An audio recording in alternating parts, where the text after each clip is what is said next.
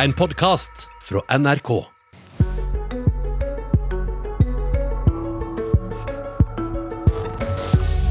Fra og med i dag er det igjen lov med Uber her i landet. Blir det Texas i taxinæringa nå?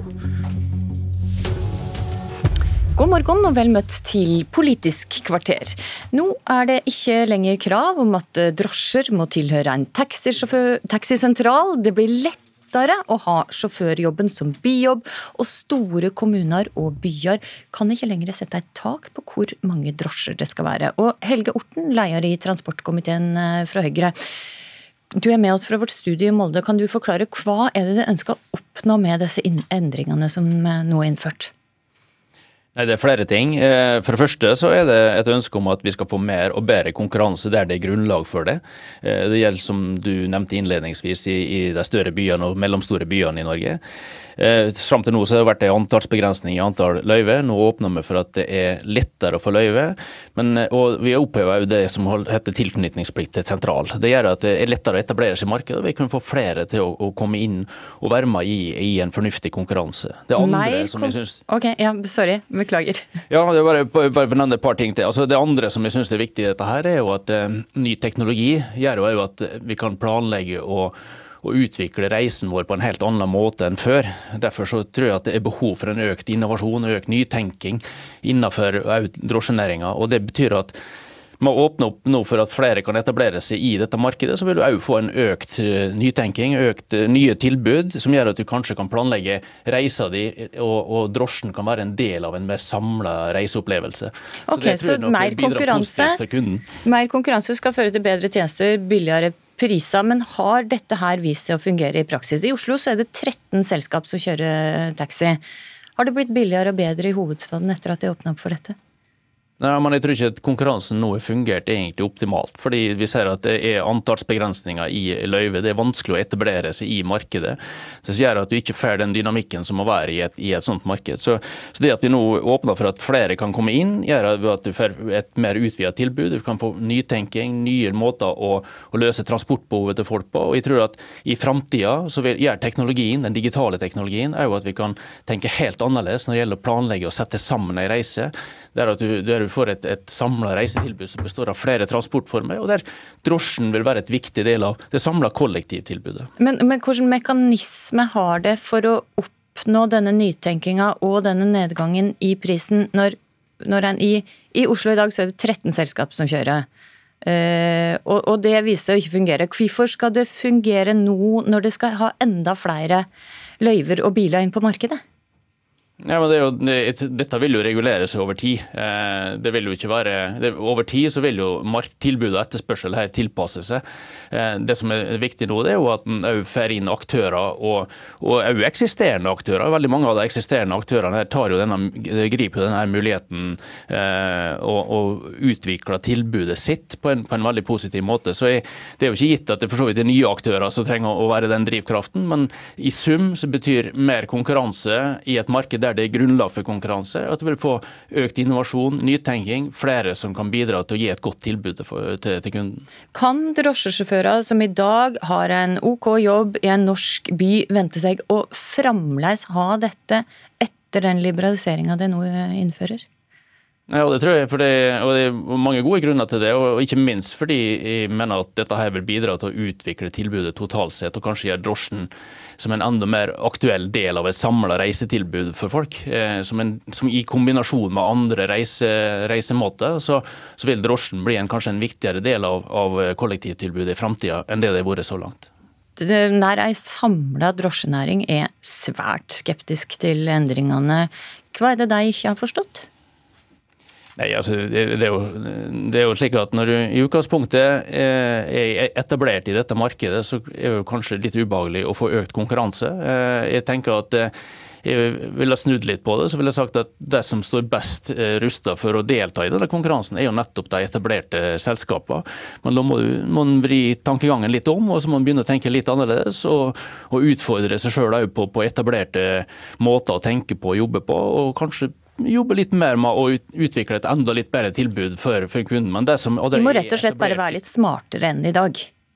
Jeg tror vi må jobbe på andre måter. Og det, og det, gjør rett og slett at vi må sette sammen et reisetilbud for folk som, som gjør det enklere for folk å bevege seg rundt og, og, og være mobil i hverdagen sin. og Det betyr at det, i, i, sammenhengen her så vil jo eh, det betyr at en greier å sette sammen et mer samla reisetilbud. Det drosje tror jeg da, vil bli et mye viktigere del av kollektivtilbudet enn det det har vært så langt. Mm, Audun Lysbakken, leder i SV. Hva blir konsekvensen, mener du, for deg som er drosjesjåfører i dag?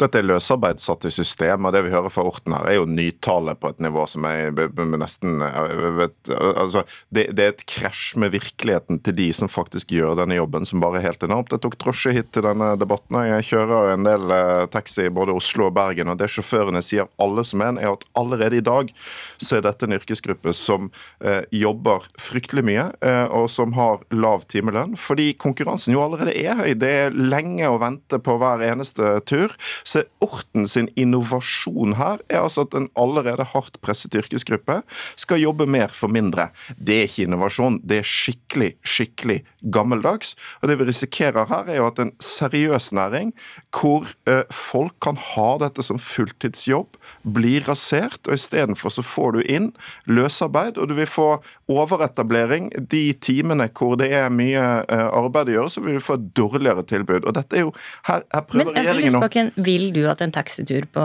tre kilometer fortsatt skal koste 400 kroner? Men Helge Orten kommer ikke til å oppnå lavere priser med denne reformen, tror jeg. Erfaringen?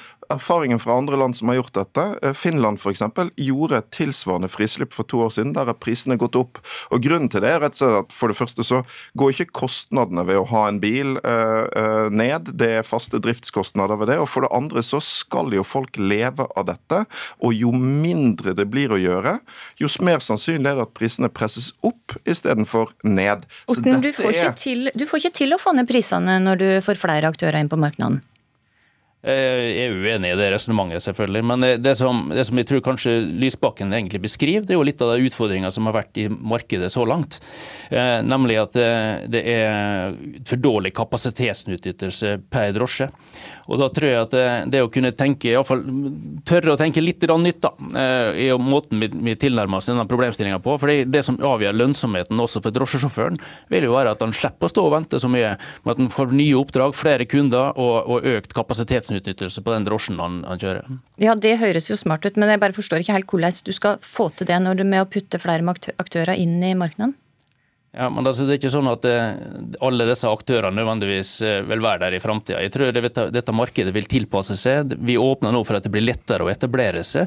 Men tilbud og etterspørsel vil jo avgjøre over tid hva det er som på en måte vil vinne fram i dette markedet, og, og, og kunne være der og tilby en tjeneste for folk. Og, det, og Apropos ganske, tilbud og etterspørsel, så er det altså et nytt selskap som eh, etablerer seg igjen i Norge i dag.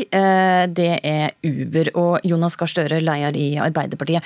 Hva blir blir konsekvensen om Uber får fotfeste i Norge? Ja, Sjefen for uh, Skattekrim, uh, myndigheten vår, har sagt at det er ikke mulig å kontrollere de selskapene slik vi kontrollerer taxiene i dag. Altså, Du får inn selskaper som har sjåfører på deltid. Audun Lysbakken beskrev det godt. Som tar unna toppene. Eh, som kommer til å Sist gang de var inne, kunne man ikke kontrollere om de betalte skatt, om de betalte avgifter, hvor pengene gikk. Appen er eiet i utlandet, informasjonen er eiet i utlandet. De skal nå inn og konkurrere. Og det er de som er de nye aktørene til Orten. Det er de som er altså Flere kommer inn, da går prisene ned. Hadde det vært sånn, så hadde du jo sett erfaring fra andre land. Det er et spor å følge. Det skjedde ikke i Sverige, skjedde ikke i Finland. I disse dager er det valg i USA. De skal også ha folkeavstemning i California om Uber. Og Resultatet av dette er at du kommer til å få en opphopning av biler i de store byene. Du kommer til å få distrikter som er rammet, for det blir ikke økonomisk attraktivt nok. Du kommer ikke til å ha heltidssjåfører til å kjøre der. Og du kommer til å få en næring som kommer til å gå inn i en ny useriøs tid. Du hadde Tidlig på 2000-tallet var det skatteskandaler i taxinæringen. Det ble det ryddet opp i. Og De jeg møter i denne næringen, sier at de er ikke mot konkurranse, men det må være på like vilkår. Og Disse nye appene, disse nye teknologiene tar jo norske drosjer i bruk. Alle som vil konkurrere der, gjør det. Oslo Taxi, som jeg kjører med, har jo nå en app som minner helt om disse appene som de andre eh, selskapene har. Men det er høyresidens tro på frislepp ubegrenset konkurranse. Da går prisene ned og kvaliteten opp. Det har ikke skjedd i andre land, og det vil ikke skje i Norge heller. Orten, hvordan skal du kontrollere f.eks. Uber, da? Det er, jo ikke, det er jo bare for å kommentere det, altså Når Støre sier at dette er et frislepp, så er det jo ikke det. Altså, her er det krav til løyve. Det er krav til fagkompetanse for sjåfører og kjøresedler. Det er vel, vel Inntil vi har et bedre og mer eh, teknologi som kan erstatte taksameter, så vil det også være krav, krav til taksameter i disse bilene. Så Uber og andre som ønsker å etablere seg i dette markedet, er nødt til å forholde seg til norske lover og regler, løyve, kjøreseddel, fagkompetanse for sjåfør, taksameter og det som hører til. Så du er ikke Dessuten, enig at det, med skatteselskapet at det blir, Skattedirektøren at det blir vanskeligere å kontrollere eh, f.eks. Uber, da? Men det er jo de samme kontrollmekanismene som er der i dag, knytta til det med både taksameter, løyve, kjøreseddel osv. Sånn at, og dessuten så forutsetter jo her at eh, skal du ha et løyve i Norge, så må du òg være registrert i Norge. og Det betyr òg at du skal følge norske lover og regler. Så, så det er, jo, er, jo, ikke på det området vi har gjort endringer. Det vi har gjort endringer på, er at det blir enklere å etablere seg, det er lettere å få løyve. Men, men eh, utover det så er det jo samme krava mer eller mindre til, til både sjåfør og til løyvehaver. Støre, Forbrukerrådet har i stor grad støtta disse endringene som regjeringa kommer med. Men, men, jeg sier igjen at konkurranse er greit, men det må være på like vilkår. Nå skal jo dette taksameteret utredes og kanskje endres over til å bli apper. da. Ikke sant? Og Det eh, denne næringen sier, og som det bør lyttes til, er at takstameteret må være knyttet til hvor bilen går, og hvor den kjører, hvor mye den kjører, for å få den kontrollen. Men det kan vel gjøre mellom, gjennom en app? Jo, men er, i andre land så har det skjedd på den måten at den, den, informasjonen som er om turen, er eiet av selskapet appen, og det er eiet i utlandet i dette tilfellet. Men altså, se på Norge og infrastrukturen. Orten sier at drosjene blir en viktig del av infrastruktur. Ja, det er de. Men, men utenfor de store byene så spiller disse drosjene en veldig, veldig viktig rolle for transport, som handler om pasienttransport, elever, folk som har spesielle behov.